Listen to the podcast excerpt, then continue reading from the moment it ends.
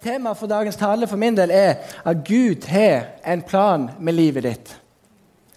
Du har hørt det noen ganger før, og eh, det er bra, men jeg tenker at det er en ting som vi alltid må høre igjen, sånn at vi passer på at vi holder rett fokus. Når jeg var 19 år gammel, så var det en voksen mann som sa følgende til meg. Jonny, du er bare en drømmer. Det kommer aldri til å bli noe av deg.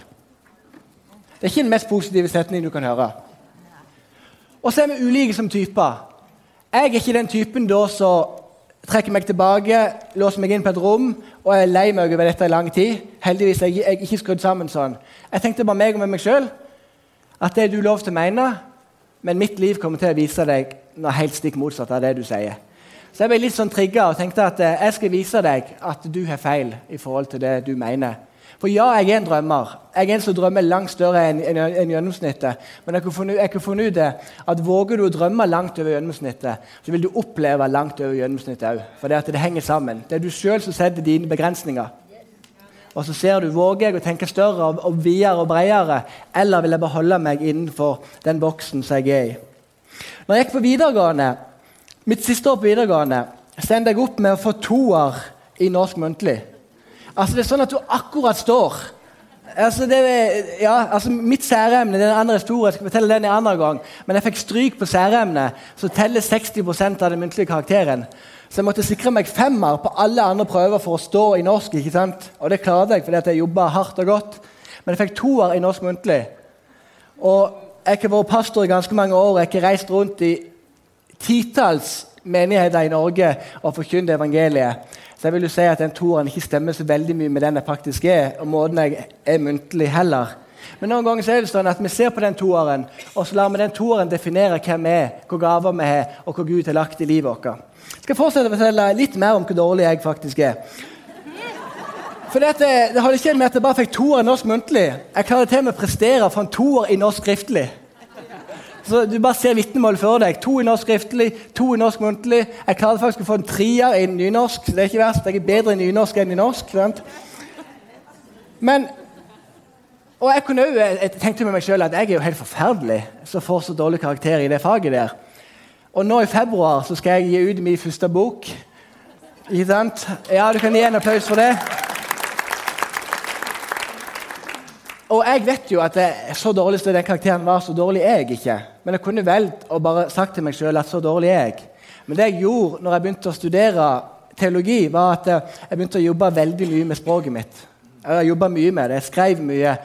Jeg begynte, nå I noen år så jeg har jeg skrevet for Korsets Seier, altså Pinsevennen sin avis, og skriver litt forskjellige ting.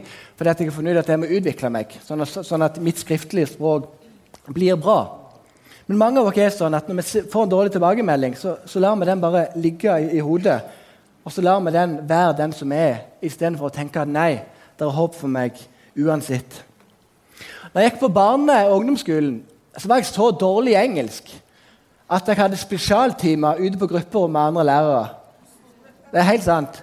Og var, Jeg var til og med så dårlig at jeg sa ikke 'you are', men jeg sa 'you are'. Og da skjønner du at du har litt å gå på. Det var helt forferdelig i engelsk. Og Jeg fikk høre det hele min oppvekst. at Johnny, du kan ikke engelsk. Du kan ikke snakke engelsk. Og jeg, og jeg trodde jo på det. Og Nå er jeg 30 år gammel og har forkynt evangeliet i over 15 forskjellige land. Og snakker helt ok engelsk. vil Jeg si. Jeg snakker ikke best i verden, men snakker ikke dårligst i verden heller. Så det at det, eh, det er veldig mange ting som kunne gjort at jeg lot være å gjøre det som jeg gjør i dag. Hadde jeg sett på alle testene alle prøvene jeg hadde, og latt det prege meg, så hadde jeg blitt en helt annen person enn jeg er i dag. Og Jeg tror mange av dere kan kjenne seg igjen i akkurat det som jeg sier. Og jeg vil bare si det at La aldri noen fortelle deg hva du ikke kan. Våg å tro på deg sjøl. Våg å tro på den drømmen som ligger i hjertet ditt. Våg å tro på det som Gud har gitt deg. For har Gud sagt at du skal gjøre noe, så kommer det til å skje. Det er bare at vi så veldig ofte forteller alltid Gud hva vi skal gjøre, eller hva vi ikke kan gjøre. Men Gud er så mye større enn alle de tingene som vi kan forstå og fatte. Og Jeg vet at det er mange som sitter her inne og du har en følelse av at jeg kan ingenting. Jeg får ikke til noe, jeg er ikke god nok. Og jeg kan bare si til deg at du er god nok. Du kan mye. Du har mange gaver. Og Forskningen viser til og med at alle mennesker, om du tror det eller ikke, har mellom sju og ti talenter. Ikke ett eller to, men mellom sju og ti talenter har alle mennesker. Så hvis du kommer til meg etterpå og sier til meg at Jan, jeg er ikke god til noe, så kan jeg bare si nei, det stemmer ikke. For alle mennesker har minst sju ting de er gode på. Og det samme gjelder deg òg. Og det er det viktig at du tar til deg. Gud har en plan med livet ditt. Og Thomas Sjødin har sagt det, at den som finner sin plass, han tar ingen annens plass. Så det handler om det, at du må finne din plass. Du må finne ut hvor du tror at Gud vil ha deg. Og så må du bare leve på den plassen fullt ut i forhold til, til det som Gud har for livet ditt. Og La meg lese noe fra Jeremia kapittel 1, vers 59. Det blir dagens tekst. Og Det er så viktige ord. Og det er klart at Dette er sagt til profeten Jeremia, men jeg tenker at dette er sagt til deg og dette er sagt til meg. Så ta det til deg og tenk at Gud taler direkte til deg akkurat nå. Så skal jeg forklare hva alt dette betyr på en litt enklere måte enn det står her òg, sånn at du forstår alt. Og det står det Herrens ord kom til meg. Før ja, Det var sånn et tegn på at der kom Herrens ord rett inn. Og nå kommer ordet til Herren. Før jeg formet deg i mors liv, kjente jeg deg. Før du ble født, helliget jeg deg. Til profet for folkeslagene satte jeg deg. Men jeg sa, Å min Herre og Gud, se, jeg kan ikke tale, jeg er for ung. Da sa Herren til meg, du skal ikke si 'jeg er for ung' eller for gammel, for den saks skyld. Overalt hvor jeg sender deg, skal du gå, og alt jeg befaler deg, skal du si. Vær ikke redd for dem, jeg er med deg og skal berge deg, sier Herren. Herren rakte ut hånden og rørte ved min munn. Så sa Herren til meg, nå legger jeg mine ord i din munn. Og jeg vil bare spørre deg, hvem er du? Hva kan du? Og hvordan vil du gjøre det du kan? Kommer til å si det spørsmålet flere ganger i løpet av det jeg deler. Men vi leser her at før jeg forma deg i mors liv, så kjente jeg deg. Det er helt sprøtt for, for, vår tanke å tenke på det og forstå det, for vi klarer ikke det. Men allerede før vi var et foster, før vi ble skapt, på noen måte, så tenkte Gud på deg så tenkte Gud på meg. Og så la han noen gaver ned i livet ditt. Så ga han deg noe som du har, som ingen andre har. Og allikevel er vi så gode til å si at jeg kan ingenting, jeg vet ingenting, jeg får ikke til noen ting. Og så leser vi her at Gud vet alt om deg. Gud vet alle dine styrker. Gud vet alle dine svakheter. Og er det òg noe vi er gode på akkurat der, så er det jo å fokusere på alt det vi ikke kan. Og jeg tror nesten Det er ikke noe teologi på dette. ikke lag noe teologi på det, for dette er Johnny som sier dette. Ikke Paulus, ikke Gud, ikke Jesus, men jeg sier dette. At Jeg tror nesten det er sånn at Gud med vilje har skapt oss med noen svakheter, sånn at vi trenger Hans nåde. Ikke nok med det. Jeg tror Gud har skapt dere med svakheter, sånn at vi trenger andre mennesker i livet vårt som kan være med og hjelpe oss på de områdene vi er dårlige. Jeg tror Gud har skapt dere med svakheter. sånn så Hvis du gifter deg, så kan kona di eller mannen din være med og utfylle dine svakheter. For sånn er det i et ekteskap. Gifter du deg ikke, så kan det være en annen venn som er med og utfyller de svakhetene som du har. Og jeg tror det er bevisst fra Guds side. Men jeg ser at Paulus sier at han hadde et torn i kjødet, leser vi i et av brevene. Så han ville at Gud skulle ta vekk, men Gud ville ikke ta vekk den der, det tårnet eller hva det var. for noe. Og jeg tenker jo enkelt at det var en svakhet som Paulus hadde. Det var noe han ville at Gud skulle ta, men Gud ville ikke ta det. For det at Gud tenkte nok at jeg vil at Paulus skal være avhengig av min nåde hele veien. Og Sånn er det for meg, sånn er det for deg. Vil du prøve å bli perfekt? Du kommer aldri til å bli det. Les litt eh, kirkehistorie, og les om John Wesley f.eks så trodde John Wesley han snakket om noe som heter Christian perfection, altså kristen perfeksjon. At han mente at du kunne nå et nivå av kristen perfeksjon der du slutta å synde. Det er en ganske kraftig påstand. Så tror jeg John Wesley levde hele livet sitt og fant ut at det går ikke. Og når det bare Jesus er klart det, og sannsynligvis ikke John Wesley heller, så sier det, så sier det meg noe at det er umulig å nå et nivå der vi ikke synder mer. Vi trenger Guds nåde hele veien. Kanskje ikke hver dag. Jeg tror det går dag uten at jeg synder. Men våger jeg å strekke meg til ei uke? Nei, jeg gjør ikke det. Men en dag 24 timer, så jeg ligger og sover 24 timer, da klarer du det. sant? Hvis du ikke drømte noe Nei, drømmen er ikke noe å si. sant? Men Poenget er at, at før jeg forma deg, så kjente jeg deg. Gud vet våre styrker. Gud vet våre svakheter. Og denne menigheten her, Kredokirka, trenger dine gaver. Denne menigheten her trenger dine talenter. Jeg jobber her som administrativ leder, og en av mine oppgaver er å ta vare på de frivillige i menigheten her. Og Jeg har før jobb som pastor. Og jeg kan si det at Mitt mål som pastor har aldri noen gang vært å bygge mitt rike, eller at jeg skal bli mest mulig kjent. Men mitt mål som pastor, mitt mål for livet mitt er hvordan kan jeg se gavene i andre mennesker? Hvordan kan jeg få fram andre mennesker? Hvordan kan jeg framelske andre mennesker, sånn at de vokser, sånn at de finner potensialet sitt, sånn at de blir den beste utgaven av seg sjøl som de kan bli? For det er det det handler om. Og Klarer du å ha det samme fokuset, at hvordan kan jeg finne gavene i andre mennesker, så vil du merke at gavene i ditt eget liv begynner å blomstre mye mer enn de noen gang har gjort. For jo mer vi klarer å bry oss om det neste, jo mer tror jeg at Gud vil at vår egen gave vil vokse. Og Jo mer tror jeg at ditt eget rike vil vokse fordi at du bryr deg om menneskene som er der ute. Kan jeg få lov til å høre et forsiktig amen?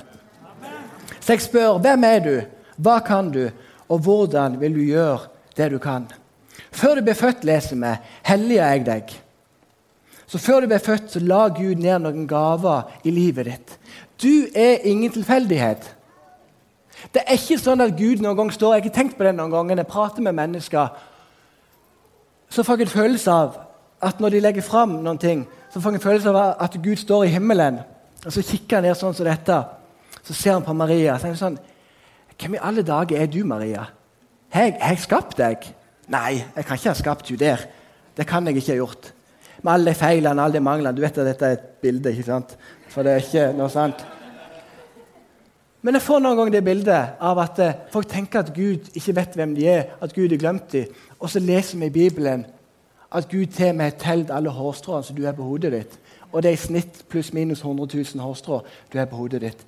Gud vet når du mister et hårstrå. Gud vet når du kommer i den alderen der du begynner å miste håret. ikke sant? Gud har kontrollen på det. Det er ikke sånn at Gud står og er helt sjokkert, for Gud vet det. Og Det er så viktig at vi tar til oss den sannheten som står i Bibelen, og så sier vi at ja, Gud, livet er krevende, for det er det mange ganger. Ja, Gud, livet er utfordrende, for det er det mange ganger. Men allikevel så velger jeg å stole på deg. Allikevel så velger jeg å si OK, Gud, du vet alt om meg. Du vet hva jeg trenger. Og så tror jeg at det kommer til å hjelpe deg, for at Gud har kontrollen. Han vet hvordan du har det akkurat nå. Han vet hva som er krevende i livet ditt. Og jeg tror det at Gud kommer til å bruke det krevende i livet ditt, sånn at du kan få lov til å være med og hjelpe andre mennesker. Jeg tror ikke at Gud noen gang kaster sykdommer på folk. Jeg tror ikke det. Men jeg tror Gud er en mester i å bruke sykdommene, til å bruke det negative, sånn at vi kan få lov til å ta det negative til å begynne positivt inn i andre menneskers liv. Og det interessante er at Når du prater med mennesker som har gått igjennom vanskelige ting, mennesker som har fått en sykdom, og så er de blitt friske, er at de ofte sier at de ville aldri vært den sykdommen eller den vanskelige perioden foruten. Veldig ofte hører jeg det. Kanskje ni av ti ganger så hører jeg de si det. For det lærte de noe om hvem de var som mennesker. Det lærte de å stole på Gud. Og så kan de bruke det negative til å hjelpe andre mennesker som opplevde det samme. Men ikke misforstå meg med å tro at jeg tror at Gud sender sykdommer bevisst. Det tror jeg ikke. Men jeg tror at han er en ekspert til å bruke utfordrende ting for oss. Videre så leser vi her ikke si at du er for ung. Er det noe vi er gode på, eh, så er det jo å si at jeg er for ung eller for gammel, eller, eller hva du skulle være, men vi er veldig gode på å fortelle Gud alt det vi ikke har. Alt det vi ikke kan. Hva var det Moses sa med en gang han ble kalt av Gud? Jo, han sa ja, men Gud, jeg kan jo ikke tale. Altså, Det var unnskyldningen med en gang. at men Gud, jeg kan ikke den tingen der. Og Det leser vi flere ganger når vi ser i Det gamle testamentet og inn i det nye, at vi er så gode til å se på alt det som vi ikke kan. Så tenker vi, Hadde det bare vært sånn, hadde jeg bare hatt den sangstemmen til Anita her oppe, f.eks. Kunne jeg bare spilt sånn på kongas, kongasen her hos Ingunn? ikke sant? Hæ? Da hadde livet vært perfekt. Kunne jeg bare spilt piano eller synt sånn som Joel gjorde her oppe, så hadde alt vært fint. Vi er så gode til å se på alle andre gaver istedenfor å se på vår egen. Og det er mange gode sanger så er sånn at de har jo en nydelig stemme, og likevel så tenker de hadde bare hatt stemmen til den mannen eller til den kvinnen, da hadde alt vært perfekt. Og Jeg vet ikke hvorfor det er sånn, men jeg tror mange ganger bare at eh, vi mennesker har en tendens til å se på alt det vi ikke har, istedenfor å faktisk se på det som vi har. Og Vi hørte tusen ganger før med, det, med, med janteloven at den spiller inn. og sånn, og ja, den spiller inn. I Sokndal har vi faktisk hatt en sånn seremoni der de nede i parken så gravde de en grav. Så kasta de janteloven oppi graven, og så stengte de den etterpå. Og Jeg besøker min bygd regelmessig. jeg kan si det at eh, Janteloven er kanskje begravd, men den har stått opp for de døde igjen. Det er det ingen tvil om. Den er der. Han kommer ikke til å dø. Og sånn er det overalt. At det bare er der. Den bare lever. Og så er vi så redde for å stikke oss fram. Bergensere er litt mindre redde for det enn en sørlending. det kan jeg si. Altså Her er vi litt mer framoverlent. Men sørlendinger det er litt sånn annerledes. Altså Bare til gi deg et bilde på det. Er du på Meny og skal kjøpe en fersk, god kylling en dag, er du på Sørlandet, og den kyllingen er litt brent, da sier en sørlending at du, det gjør ingenting, jeg tar den. Ikke noe problem. Er du her i Bergen, nei, da skal bergenserne selvfølgelig ha ny kylling som ikke er brent i det hele tatt. sant? Det er forskjell på oss. Og det er fint, og det er noe av det jeg liker med bergenserne. At de er litt mer framoverlent, er litt tryggere på seg sjøl. Fortsett med det. Fortsett å være litt sånn, for dette jeg tror det vil hjelpe deg. Vi ønsker å være ydmyke, og det skal vi være. Er det noe jeg nesten ber Gud om daglig, så er det akkurat det. At Gud holder meg ydmyk. Men så tror jo jeg at vi har misforstått hva ordet ydmyk egentlig betyr. Og C.S. Lewis, den kjente forfatteren, han sier det at ydmykhet handler ikke om å tenke mindre om seg sjøl, men det handler om å tenke på seg sjøl mindre. Sant? Jeg sier det en gang til. Det handler ikke om å tenke mindre om seg sjøl, men det handler om å tenke på seg sjøl mindre.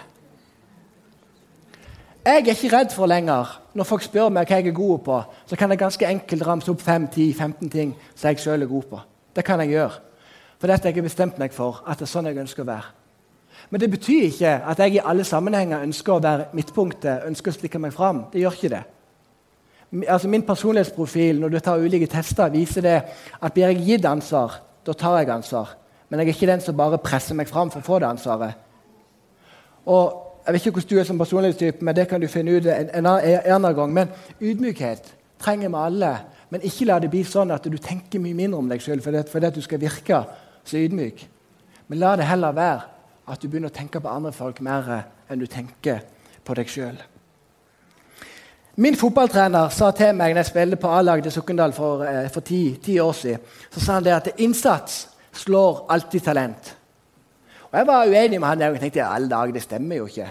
Men jeg, jeg fant ut det, at det er jo helt sant. At Har du god innsats, så vil du nesten på sikt alltid slå talent. Selvfølgelig, Spiller du tennis og du møter en Rafael Nadal eller Fedrar, så jeg lover deg du blir knust. Altså, De kan spille med bind for øynene og samtidig slå deg. For det handler om nivået her. Men generelt i livet så er det noe med innsats. At når vi våger å ikke gi opp, når vi våger å stole på det som ligger i livet vårt, da skjer det noe. Jeg leste i vår biografien, den nyeste biografien til Petter Northug. Og jeg bare slukte hele boka, for det, det, forandrer meg litt. Og Han fortalte det at når han var 6-8 år gammel, så begynte han å gå på ski. Og Han begynte også å delta på renn allerede i 7-8-årsalderen. Han tapte hvert renn da han var 8 år gammel. Han tapte hvert renn da han var 9, da han var 10, da han var 11, da han var 12 år gammel. Han tapte alle rennene han var med på. Han var den dårligste i hele Trøndelag der oppe. Det var ingen som var dårligere enn Petter Northug. Men han fortsatte å trene. Det var ingen som trente mer enn han. Det var ingen som var mer fokusert enn han. Når han ble 13 år gammel, så slutta han å komme sist. Da kom han kanskje annet sist, eller tre sist. ikke sant? Og det var mange store talenter som media rundt om i Norge prater om at det kommer til å bli den, den neste Bjørn Dæhlie. Og han kommer til å bli den neste Bjørn Dæhlie. Ingen snakket om Petter Northug. 14 år gammel så vinner Petter Northug sitt første renn. Den holdt på i seks år og tapt alle rennene han hadde vært med på. Men Petter visste at hvis jeg ikke gir opp, så kommer jeg til å bli best en dag. Han var ikke i tvil om det og trente og trente mer enn alle andre. Og når han var 18 år gammel, så kjenner vi historien, så begynner han å vinne mer og mer. Og før det, det ene VM OL som var, så vinner Petter et renn Den knuser alle de beste i Norge og blir likevel ikke tatt med i troppen. Noe som selvfølgelig er en stor feil, men sånn er det. Men Petter visste med seg sjøl At ingen trener bedre enn meg. Og jeg vet at når jeg blir gammel nok og stor nok, så kommer jeg til å bli den beste. Det er ingen som kan navnet på de to-tre største talentene som Northug kjempa imot. Hadde jeg sagt navnene, så hadde ikke du hatt peiling på hvem de var. Men alle i Norge vet hvem Petter Northug er. Alle kjenner historien hans. Alle vet at det er tidenes beste langrennsløper som vi snakker om. Og det handler om innsats. Det handler om at han så på seg sjøl og ikke ga opp. Og når du, jeg vet ikke om dere husker femmila, når de står og stager, de de, de gått på ski fem mil på elendig føre. Alle er kjempetrøtte. Petter Northug er kjempetrøtt. Han er jo bare hengt med halen hele løpet. Og Det er jo det som skiller Petter i forhold til alle andre. Det er et spor som ikke fins der. Det går spor der, det går spor der, og Petter tenker at jeg må kjøre på, jeg må bare gå imellom. og Så satser jeg på at det går. Så Petter bryter noen regler. Og så går han imellom. Han knuser de andre utøverne. Er Petter like trøtt som de andre? Ja, det er han. Men han har det lille ekstra giret til å klare å ta ut det siste som gjør at han bare suser forbi dem, og så vinner han. Det, altså, det er kanskje det råeste langrennsløpet jeg har sett i hele mitt liv. Og det gjelder kanskje deg òg. Men det handler om at han hadde en innsats som gjorde at han ikke ga opp. Ikke si at du er for ung. Ikke si at du ikke kan det. Ikke si at du, at du ikke fikser det. For det sammen med Gud så kan du fikse akkurat det du vil. Et av mine store forbilder Far hans var kristen, men sjøl ser han at han ikke er kristen. Han heter Petter Stordalen. Og Petter Stordalen har sagt det, han, han er en filosofi som han lever etter, som han kaller for jordbærfilosofien. Og når han var liten gutt, så solgte han jordbær for faren sin nede på torget i Porsgrunn. Og En ettermiddag når han begynte å prate med faren, så, så sa han til faren sin at pappa, jeg har så mye dårligere jobber enn alle andre rundt meg. Det er så urettferdig. Og så ser faren på han og sier det at eh, du må selge de jobberne som du har. Og Det samme tror jeg at Gud sier til oss. Ikke se på det du ikke har, men bruk det som jeg har lagt ned i ditt liv. Det som jeg har lagt ned i, i ditt hjerte. Bruk det, så kommer jeg til å vise deg at det kan vokse til å bli noe mye større enn du noen gang hadde drømt om. Har du lest biografien til Stordalen, som er solgt i over 200 000 eksemplarer, den mest solgte biografien i hele Norges historie, har du lest den biografien, så gjør det noe med deg. Gutten som ble mobba, gutten som var dårlig på skolen, gutten som ikke var noen ting, gutten som bare fikk det til på butikken med ingen andre plasser, og gutten som ble en av Norges rikeste folk. Hvorfor ble han det? Jo, han ga ikke opp. Men han fortsetter å kjøre på. Det handler ikke så mye om hvem vi er og hva vi kan, alltid, men det handler om at vi våger å gå på de tingene som vi faktisk kan. Hvem er du? Hva kan du? Og hvordan vil du gjøre det jeg kan? Videre så leser vi at overalt der jeg sender deg, så skal du gå. Gud kommer til å være med deg. Gud har kontrollen. Han har det. Det er bare at Noen ganger så må vi våge å slippe kontrollen. Noen ganger må vi våge å gjøre som Peter, vi må våge å gå på vannet. Og så klarer vi å gå på vannet billedlig fortalt. Og så kommer Gud til å gå med oss. Og Det siste jeg vil snakke litt om, er at det står at 'vær ikke redd dem' for jeg er med deg. skal jeg lese et av mine sitater, eller et av mine favorittsitater. Det kommer opp på veggen. og Det står det at Forstyrr oss, Herre, når vi er for tilfredse med oss selv. Når våre drømmer har blitt virkelighet fordi vi drømte for smått. Når vi ankommer trygt fordi vi har seilt for nært land. Forstyrr oss, Herre. Dette sa sir Francis Drake, engelsk sjøkaptein. Og Det var første engelskmann som seilte jorda rundt. Og jeg ber den samme bønnen til Gud. At Gud, forstyrr meg når jeg tenker for lite. Forstyrr meg når jeg drømmer for lite.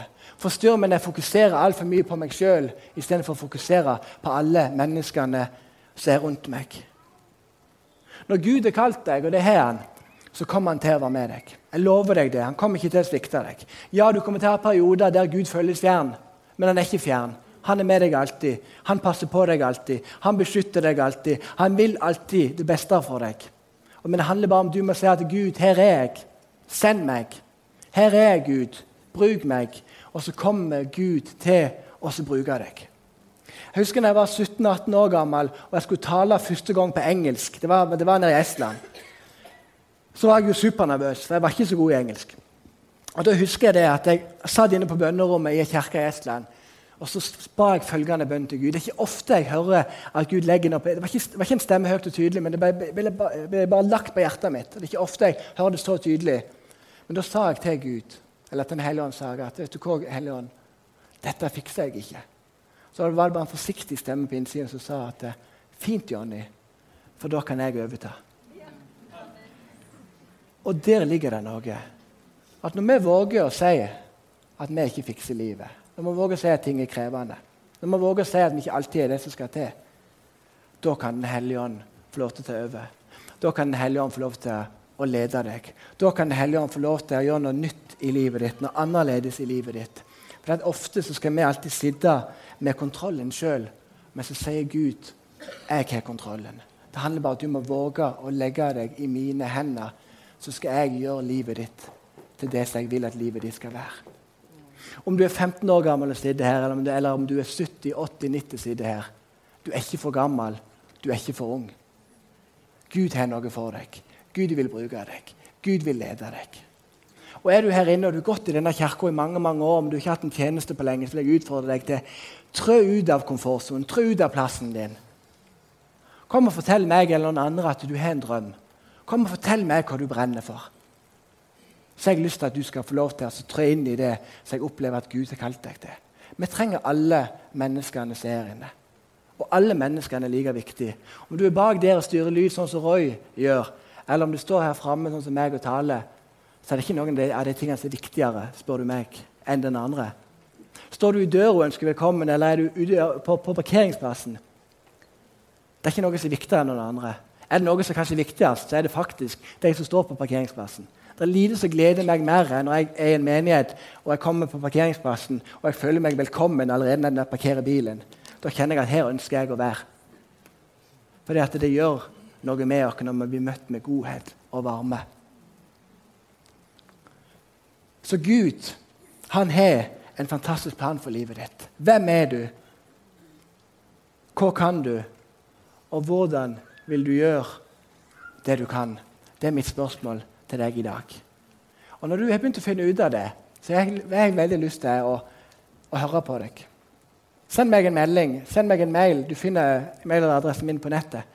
Eller send meg, eller send meg en SMS. Så jeg har lyst til å komme og treffe deg, jeg har lyst til å prate med deg, for jeg har lyst til at du skal få ut det potensialet som du har.